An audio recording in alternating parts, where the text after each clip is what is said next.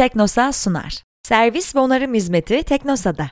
Ürününüzü Teknosa'dan almamış olsanız ve garanti süreniz bitmiş bile olsa, servis ve onarım hizmeti Teknosa'da.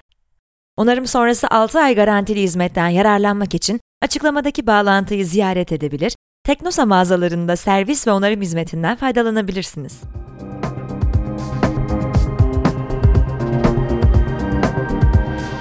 Parlamento Yakın Geçmiş Podcast'in 3. bölümüne hoş geldiniz. Geçtiğimiz bölümde 27 Mayıs darbesine evrilen süreci incelemiş, Demokrat Parti iktidarı dönemini analiz etmiştik. Bu sayıdaysa çok partili sisteme geçilmesinin ardından yaşanan ilk askeri müdahaleyi inceleyecek ve bu müdahalenin sonuçlarını irdeleyeceğiz. Ordunun gölgesinde kalan sivil yönetim ve demokrasinin 1960'lı yıllarda nasıl değişim geçirdiğini gözlemleyeceğiz. Darbe yaklaşırken Türkiye.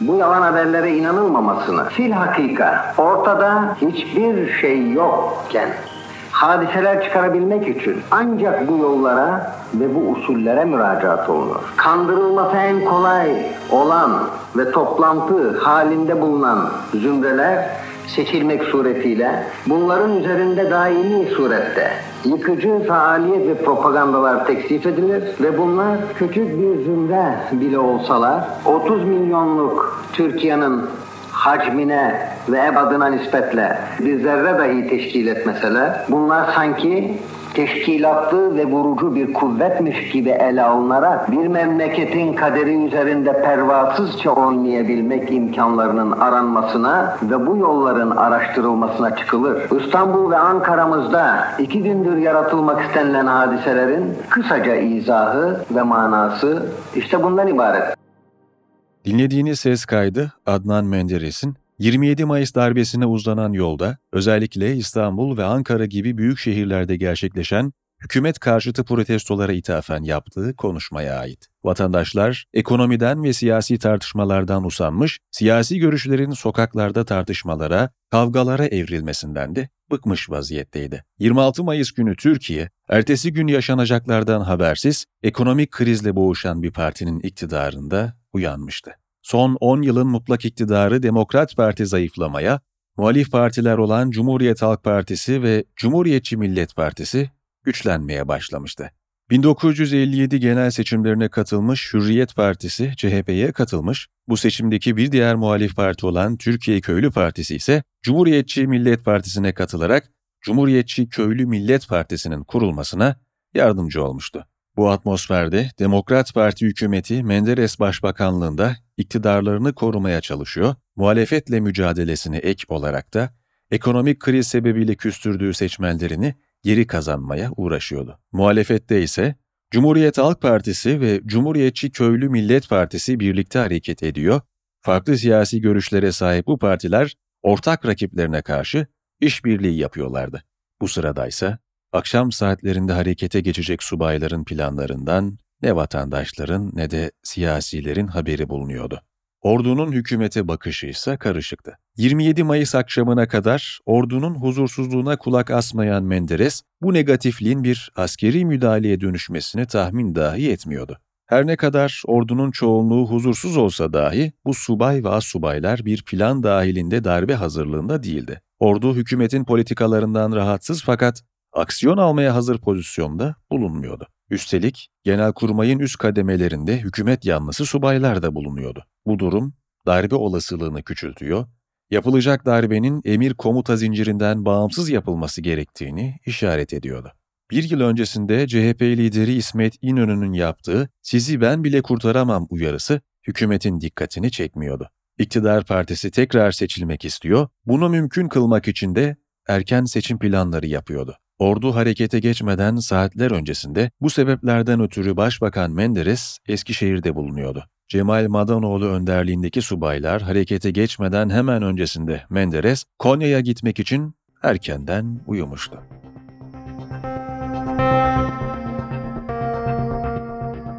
...27 Mayıs askeri müdahalesi.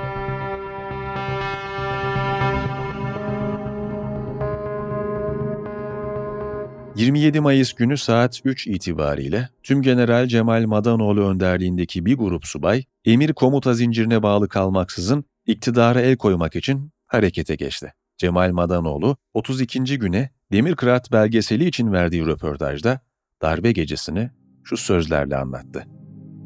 Dedim arkadaşlar bunlar dokununca devrinirler ve devrilecekler. Göreceksiniz. Artık işe başlamış bulunuyoruz. Biz başlayınca kadardır bunun zorluğu. Bundan sonra bir şey yok. Siz dedim şimdi bana söz verin. Ne Bern elçiliği ne İçişleri Bakanlığı. Hiçbirimiz hiçbir vazife görevimizin dışında kabul etmiyoruz. Bu işi bu devlet için, bu ülke için, bu millet için yapıyoruz.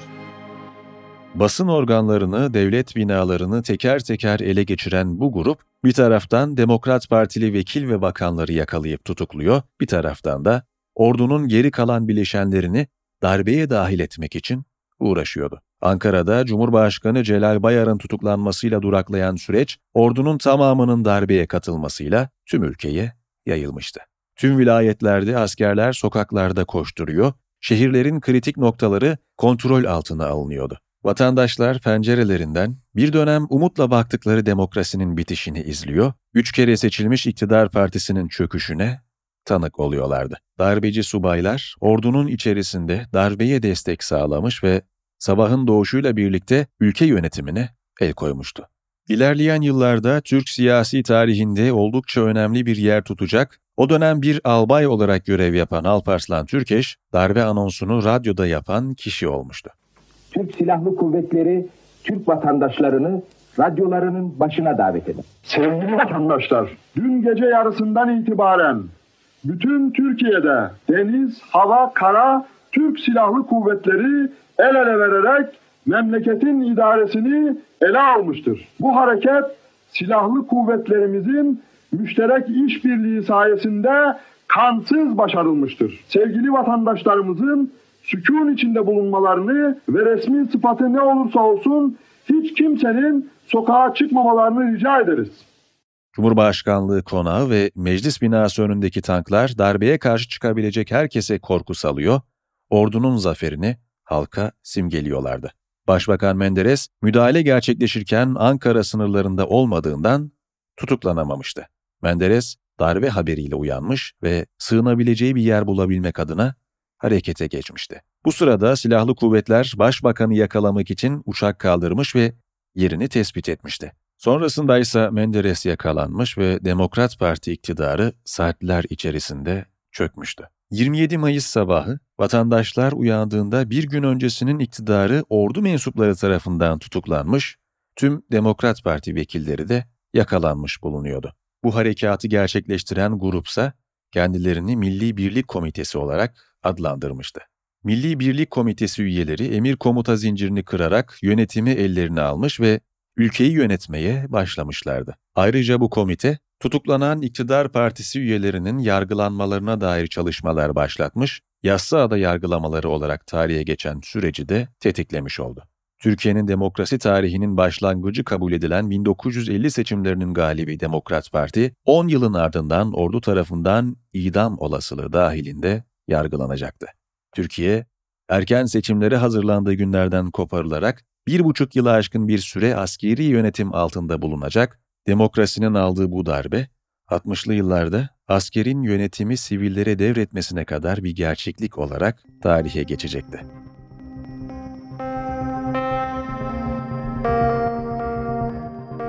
Askeri yönetim ve Yassıada yargılamaları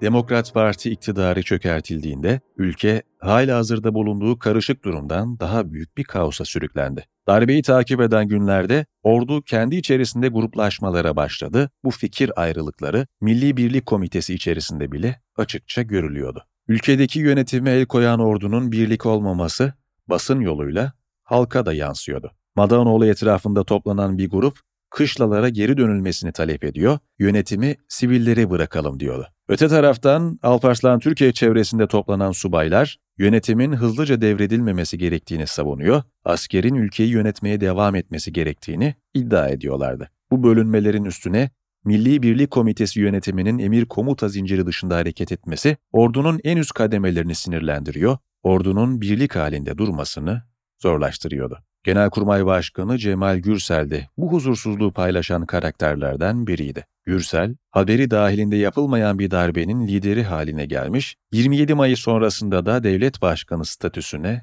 yükselmişti. Gürsel, Milli Birlik Komitesi içerisinde dolanan idam taleplerine sıcak bakmıyordu. Bu ayrılık içerisinde bile ordunun demir yumruğu hayatın her yerini bastırıyordu. Üniversiteler kapanıyor, öğretim üyeleri işlerinden kovuluyorlardı. Savcılar ve hakimlerin yüzlercesi de öğretim üyeleri gibi tasfiye ediliyorlardı. Ordu bir yandan kendi içerisinde de temizlik yapıyor, çok radikal ya da hükümet yanlısı bulduğu mensupları ordudan atıyordu. Bu olaylar içerisinde yüzlerce general, binlerce subay ordudaki görevlerinden olmuş, bir o kadarı da ordu içerisinde sürgün olarak tanımlanan bölgelere tayin edilmişti. Bu atmosferde sadece kötü şeyler olmuyordu. Yürürlükte olan anayasa terk edilmiş ve yeni anayasa çalışmalarına başlanmıştı. Fakat 61 Anayasası olarak hatırlanacak bu döküman askerler tarafından hazırlanmıyor, uzmanlar tarafından hazırlanıyordu. Akademisyenlerden, parti temsilcilerinden oluşan bu grup, yeni anayasanın Türkiye'ye umut verebilecek bir yenilik olması için uğraşıyordu. Bu çalışmaların sonucundaysa pek çok hukukçunun Türkiye tarihindeki en özgürlükçü anayasa olarak adlandırdığı bir iş çıkacaktı. Bu anayasa kabul edilmesi için referanduma taşındığında ise sandıktan %61,7 evet çıkacaktı. Bu durum ordunun baskısı altında bile halkın dikte edilen anayasaya karşı huzursuz olduğunun göstergesiydi. Hücrelerinin dışında olan bitenden habersiz olan Demokrat Parti kurmayları içinse bu yenilikler anlamsız kalıyordu. Onlar artık herkesin içten içe bildiği fakat sesli itiraf edemediği idam kararını bekliyorlardı. Türkiye'nin tek partili sistemini tarihe gömen, 50'li yılların demokrasi umudunu simgeleyen bu siyasiler artık mahkumdan başka bir şey değillerdi. Yassıada yargılamaları 1960 yılının Ekim ayında başlamış ve 15 Eylül 1961 tarihine dek sürmüştü. Müvekkilim 10 sene bu memlekette başvekillik etmiştir. İyi kötü her neyse bir vazife ifa etmeye çalışmıştır. Fakat yere düşmek ve cevher sabit olmaz kadro kıymetten. Bu kadar tanrısal Adnan Menderes'in avukatı olan Burhan Apaydın, Yassıada yargılamalarını dinlediğiniz sözleriyle eleştirmişti. Adil bir yargılama sürecinin olmadığına dikkat çekmişti. Duruşmalar, Demokrat Parti'nin yargılanması için kurulan Yüksek Adalet Divanı tarafından görülmüş, 15 idam cezasıyla sonuçlanmıştı. Bu karar onaylanması amacıyla Ankara'ya gönderilmiş ve Milli Birlik Komitesi'nin değerlendirmesine sunulmuştu. Milli Birlik Komitesi ise bu konu hakkında ikiye ayrılmış, idam cezasının arkasında durulmalı mı emin olunamamıştı. Saatler süren tartışmanın sonundaysa 15 idam kararı 4 idama indirilerek Milli Birlik Komitesi tarafından onanmıştı. Bu karara göre eski Cumhurbaşkanı Celal Bayar, Başbakan Adnan Menderes, Maliye Bakanı Hasan Polatkan ve Dışişleri Bakanı Fatih Rüştü Zorlu idam edilecekti. Kararı takip eden günlerde önce Polatkan ve Zorlu idam edilmiş, sonrasında ise Menderes idam edilmişti. Bayar'ın ise 65 yaşından yaşlı olması sebebiyle idam cezası iptal edilmiş, müebbet hapisle cezalandırılmıştı. Ordunun iktidarı ele geçirmesiyle başlayan bu süreç, üç seçim galibi bir başbakanın ve kabinesinin idamıyla sonuçlanmıştı. Bu olaylar, Türkiye'nin siyasi tarihinde kara bir sayfa olarak kalacak, gelecek yılların siyasetinin akışını belirleyecekti.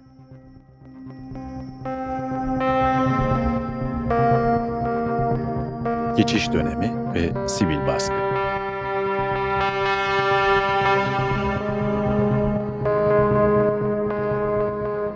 Menderes'in idam edilmesi ülke için inanılmaz bir şoktu. Seçilmiş bir başbakan ordu eliyle görevinden alınıp idam edilmişti. Vatandaşlar ülkenin geleceği açısından endişeliydi. Seçimlerin yapılacağı rivayetleri sürekli dolaşıyor fakat ne zaman yapılacağı bilinemiyordu. Ordu sürekli gideceğini iddia ediyor fakat bir yılı aşkın süredir askeri yönetim altında bulunan vatandaşlar bu geçişin ne zaman yaşanacağını kestiremiyordu. Bu durumdan en çok şikayet eden siyasilerden biri ise İnönü'ydü. İnönü, 27 Mayıs tarihinden beri Milli Birlik Komitesi'nden sivil yönetime geçilmesini talep ediyor, demokrasiye duraksama getirilmesine karşı duruyordu. İnönü, ayrıca 10 yıllık rakibi olan Menderes'in idam edilmemesi için de mücadele etmiş fakat ordu bu talepleri de cevapsız bırakmıştı. Bu karışıklık ortamı içerisinde askeri yönetim 15 Ekim 1961 tarihinde genel seçimler yapılacağını duyurdu. Seçim haberi halk tarafından mutlulukla karşılanırken bu mutluluk buruk bir mutluluk olarak kayda geçecekti. Seçimler özgürce yapılacak mı sorusu herkesin aklındaydı. Seçimler haricinde ise Türkiye için kalıcı olacak pek çok değişiklik yapılmıştı. Anayasa Mahkemesi bu dönemde kurulmuştu. Türkiye'nin anayasal düzenine gardiyanlık yapacak bu kuruluş 27 Mayıs müdahalesiyle inşa edilmişti. Bir diğer büyük çaplı değişiklik ise meclis etrafında şekillenmişti. 1961 Anayasası ile gelen yeniliklerle Millet Meclisi olarak adlandırılan parlamentonun yanına Cumhuriyet Senatosu eklenmiş, Türkiye çift kameralı bir meclis sistemine sahip olmuştu. Demokratikleşme potansiyeline sahip bu gelişmelere ordu frenleme yapmıştı. Cumhuriyet Senatosu'nun üyelerinden bazıları seçimle gelmeyecekti. Bu üyeler tabi senatörler olarak geçiyor, eski cumhurbaşkanları ve Milli Birlik Komitesi üyelerinden oluşuyordu. Tabi senatörler ömürleri boyu görevlerini sürdürebiliyorlardı. Bu gruba ek olarak 15 kişiden oluşan bir diğer özel grup Cumhuriyet Senatosu'nda görev alıyordu. Bu 15 senatör kontenjan senatörler olarak adlandırılıyor ve görevdeki Cumhurbaşkanınca atanıyordu. Kontenjan senatörlerin görev süreleri ise 6 yılla sınırlandırılmıştı. Senatodaki son grupsa halk tarafından seçilen senatörlerden oluşuyordu. Bu kişilerin seçimi 2 yılda bir yapılıyor ve her seçimle 150 sandalyeden oluşan boşluğun üçte biri yenileniyordu. Ayrıca senatör olabilmek için milletvekilliği gibi ilkokul mezunu olmak yeterli görülmüyor, üniversite diploması şartı aranıyordu. Cumhuriyet Senatosu'nun en büyük görevi ise Millet Meclisi'nden gelen teklifleri tekrar değerlendirip onayarak Cumhurbaşkanlığına göndermekte. Millet Meclisi'nin aksine Cumhuriyet Senatosu hükümeti güven oylamasına tabi tutamıyor, dolayısıyla da hükümete hesap soramıyordu. Ordunun bu kuruma Milli Birlik Komitesi üyelerini tabi üye olarak yerleştirmesi, Demokrat Parti kolündeki partilerin güçlenmesini engelleyecek, Milli Birlik Komitesi üyeleri radikal muhafazakar partilere karşı nöbet tutacaklardı.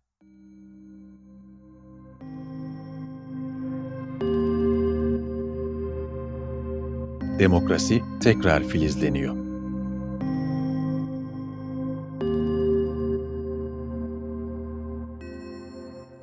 15 Ekim 1961 tarihi yaklaşırken Türkiye değişen yasalara ayak uydurmaya çalışıyor. Yeni sistemle birlikte nasıl bir siyasi atmosferin hayata tesir edeceğini herkes merak ediyordu. Demokrat Parti'nin kapatılmasının ardından yeni partiler kurulmuş, bu partilerin bazıları da Demokrat Parti'nin mirasına sahip çıkmıştı. Bu partilerin en büyüğü Adalet Partisi'ydi. Adalet Partisi, Demokrat Parti'nin ardılı olarak siyasete atılmıştı.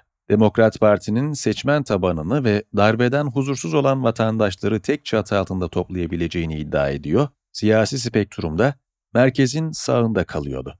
Parti, farklı grupların birleşmesinden oluşuyor, liberaller, muhafazakarlar ve seküler gruplarla nüfusun büyük bir kısmını temsil edebileceğine inanıyordu.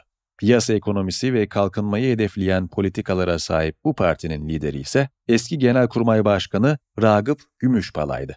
Gümüşpala'nın liderliği, eski bir asker olması açısından Milli Birlik Komitesi üyelerini tatmin etmiş, Gümüşpala'nın siyasi görüşleri ise Adalet Partisi'nin kabul ettiği bir lider olduğunu göstermişti. Demokrat Parti mirasçısı bir diğer parti ise Yeni Türkiye Partisi'ydi. Yeni Türkiye Partisi, Adalet Partisi'nin aksine Menderes Bayar çizgisinde değil, Demokrat Parti'nin bu isimlere muhalif olan kadrosunun bir devamı olduğunu savunuyordu. Partinin duruşu liberal muhafazakarlık olarak ortaya çıkıyor. Dolayısıyla da parti merkezin sağında kalıyordu. Yeni Türkiye Parti liderliğinde ise Ekrem Alican bulunuyordu. Alican, Milli Birlik Komitesi yönetimi sırasında Maliye Bakanlığı yapmıştı. Bu sebepten ötürü Alican'ın liderliği hem Milli Birlik Komitesi tarafından onanıyor hem de Yeni Türkiye Partisi'ni Demokrat Parti mirasçısı olarak zorlu bir koşula sokmuyordu. Adalet Partisi ve Yeni Türkiye Partisi haricinde ise Türkiye İşçi Partisi bu dönemde siyasete giriş yapmıştı. Türkiye İşçi Partisi diğer partilerin aksine açıkça bir sınıf mücadelesi vereceğini aykırıyor, kendisini merkeze yakın değil, daha radikal bir çizgide sol olarak tanımlıyordu. Türkiye İşçi Partisi, ezilenin yanında olduğunu kitlelere anlatmaya çalışıyor, Türkiye demokrasisinde solun da yeri olduğunu savunuyordu. Türkiye İşçi Partisi'nin kuruluşu, sağ partilerin de dikkatini çekmiş ve onlarca yıl sürecek olan sağ-sol çekişmelerinin fitilini ateşlemişti. Cumhuriyet Halk Partisi de Türkiye İşçi Partisi'ne seçmen kaybetmek istemediği için konumunu merkezin solu olarak belirlemeye başlamıştı.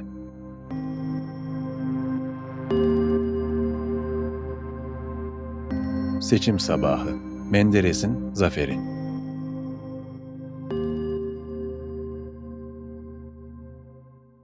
Türkiye, ordunun iktidarından sonra ilk defa sandık başına gidiyordu. Fakat bu sefer temsiliyette sorun çıkaran liste usulü çoğunluk sistemi iptal edilmiş, yerine nispi temsil sistemi getirilmişti. Bu sistem içerisinde artık bir seçim bölgesinde en çok oyu alan tüm vekilleri kazanamayacak, vekiller alınan oylara göre oransal dağıtılacaktı. 1961 seçimleri beklentilere göre daha demokratik bir temsiliyete imkan sağlayacaktı. Sandıklar açıldığında ise herkes sonuçları şaşkınlıkla karşılayacaktı. Açık ara iktidar olması beklenen Cumhuriyet Halk Partisi ilk parti olarak çıktığı sandıktan iktidar olabilecek kadar sandalyeyle çıkamamıştı. İnönü, oyların %36,7'sini alarak 450 sandalyeden sadece 173'ünü doldurabilmiş, birinci çıktığı seçimde aslında önceki seçime kıyasla oy kaybetmişti.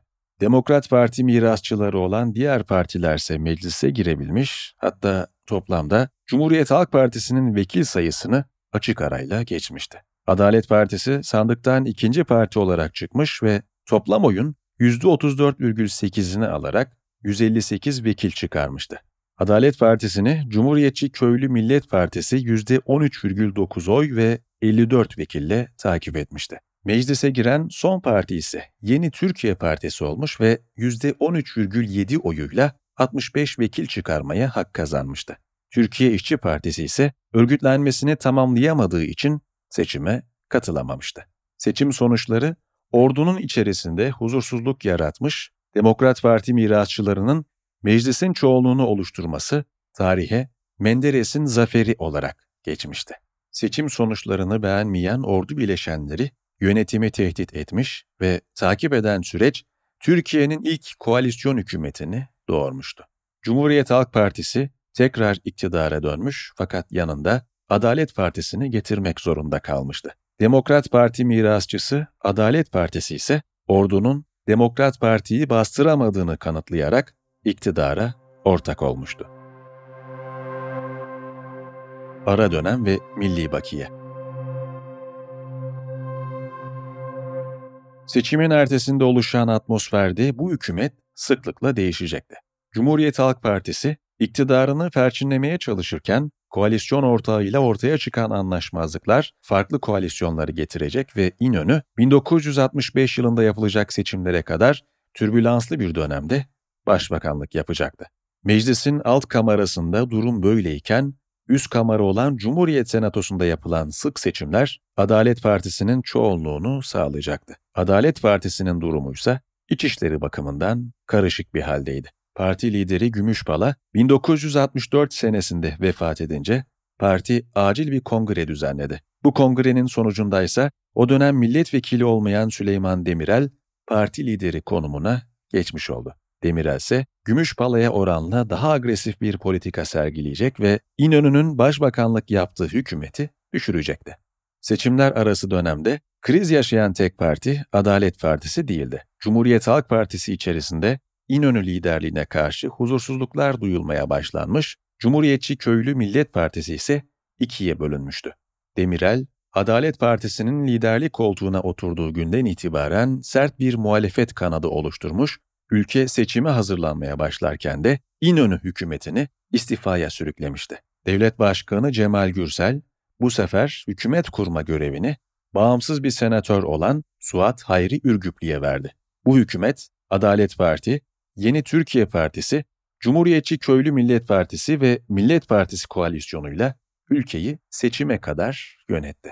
1965 yılında yapılacak olan genel seçimler yaklaşırken Türkiye bu sefer sandığa yine farklı bir seçim sistemiyle gidecekti. Nispi temsiliyet sistemi yerine getirilen Milli Bakiye sistemi, daha küçük partilerin de meclise girebilmesi için tasarlanmış, büyük partilerin ezici gücünü hafifletmek için devreye sokulmuştu. Adalet Partisi'nin karşı çıkmasına rağmen diğer partilerin işbirliği sonucu yasalaşan bu sistemle temsiliyetin daha demokratik yapılacağı öngörülüyordu.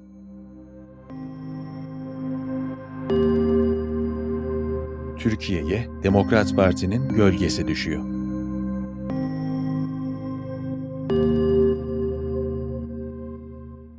...1965'te sandıklar kurulmuş, oylar verilmişti. Tüm partiler heyecanla sonucu bekliyor, seçmenler yeni hükümeti kimin kuracağını merak ediyorlardı. Adalet Partisi sandıktan büyük bir zaferle çıkacak ve toplam oyların %52,9'unu alarak 240 vekil çıkaracaktı. Adalet Partisi, bir partinin iktidarı kazanmasını engel teşkil eden milli bakiye sisteminde bile mutlak bir iktidar inşa edebilecek bir oy almıştı. Türkiye şaşkınlıkla 27 Mayıs darbesinin 5 yıl ardından Demokrat Parti mirasçısı bir partinin iktidarına şahit olacaktı. Cumhuriyet Halk Partisi sandıktan yenik çıkmış, iktidarı kaybettiği gibi gücünü de kaybetmişti. Oyların %28,7'sini alarak 134 vekil çıkaran parti ana muhalefet pozisyonuna düşmüştü. Adalet Partisi, sivil yönetime dönüş yaşandığından beri ilk tek partili iktidarı kurabilmiş fakat mecliste ezici bir çoğunluğa sahip olamamıştı. Seçimin ardından vekil sayısını yükseltmek isteyen Adalet Partisi iktidarı, milli bakiye sistemini kaldırmak için çalışmalara başlamıştı. Türkiye'nin üstüne sinen Demokrat Parti'nin kokusu ordunun müdahalesiyle silinmemiş, bu ekol 5 yıl sonra ülkeyi yönetmek için geri gelmişti. Türkiye, yeniden kavuştuğu demokrasisine sarılmaya çalışırken, siyasi partiler çatlak vermeye başlayacak, ülke tarihine yön veren liderler sahneyi terk etmeye başlayacaklardı. Sağ-sol çatışmaları ülkeyi etkisi altına alırken demokrasi tekrardan riske girecekti. Bir sonraki bölümde Adalet Partisi iktidarının yönetimini ve 70'lerin hareketli siyasetini inceleyeceğiz. Ayrıca 32. güne arşiv kayıtlarını bizle paylaşmaları ve Türk siyasi tarihine dair bu denli geniş ve nitelikli bir arşiv çalışması yapmış olmaları sebebiyle teşekkür ederiz. Parlamento yakın geçmiş her perşembe Aposto Radyo'da.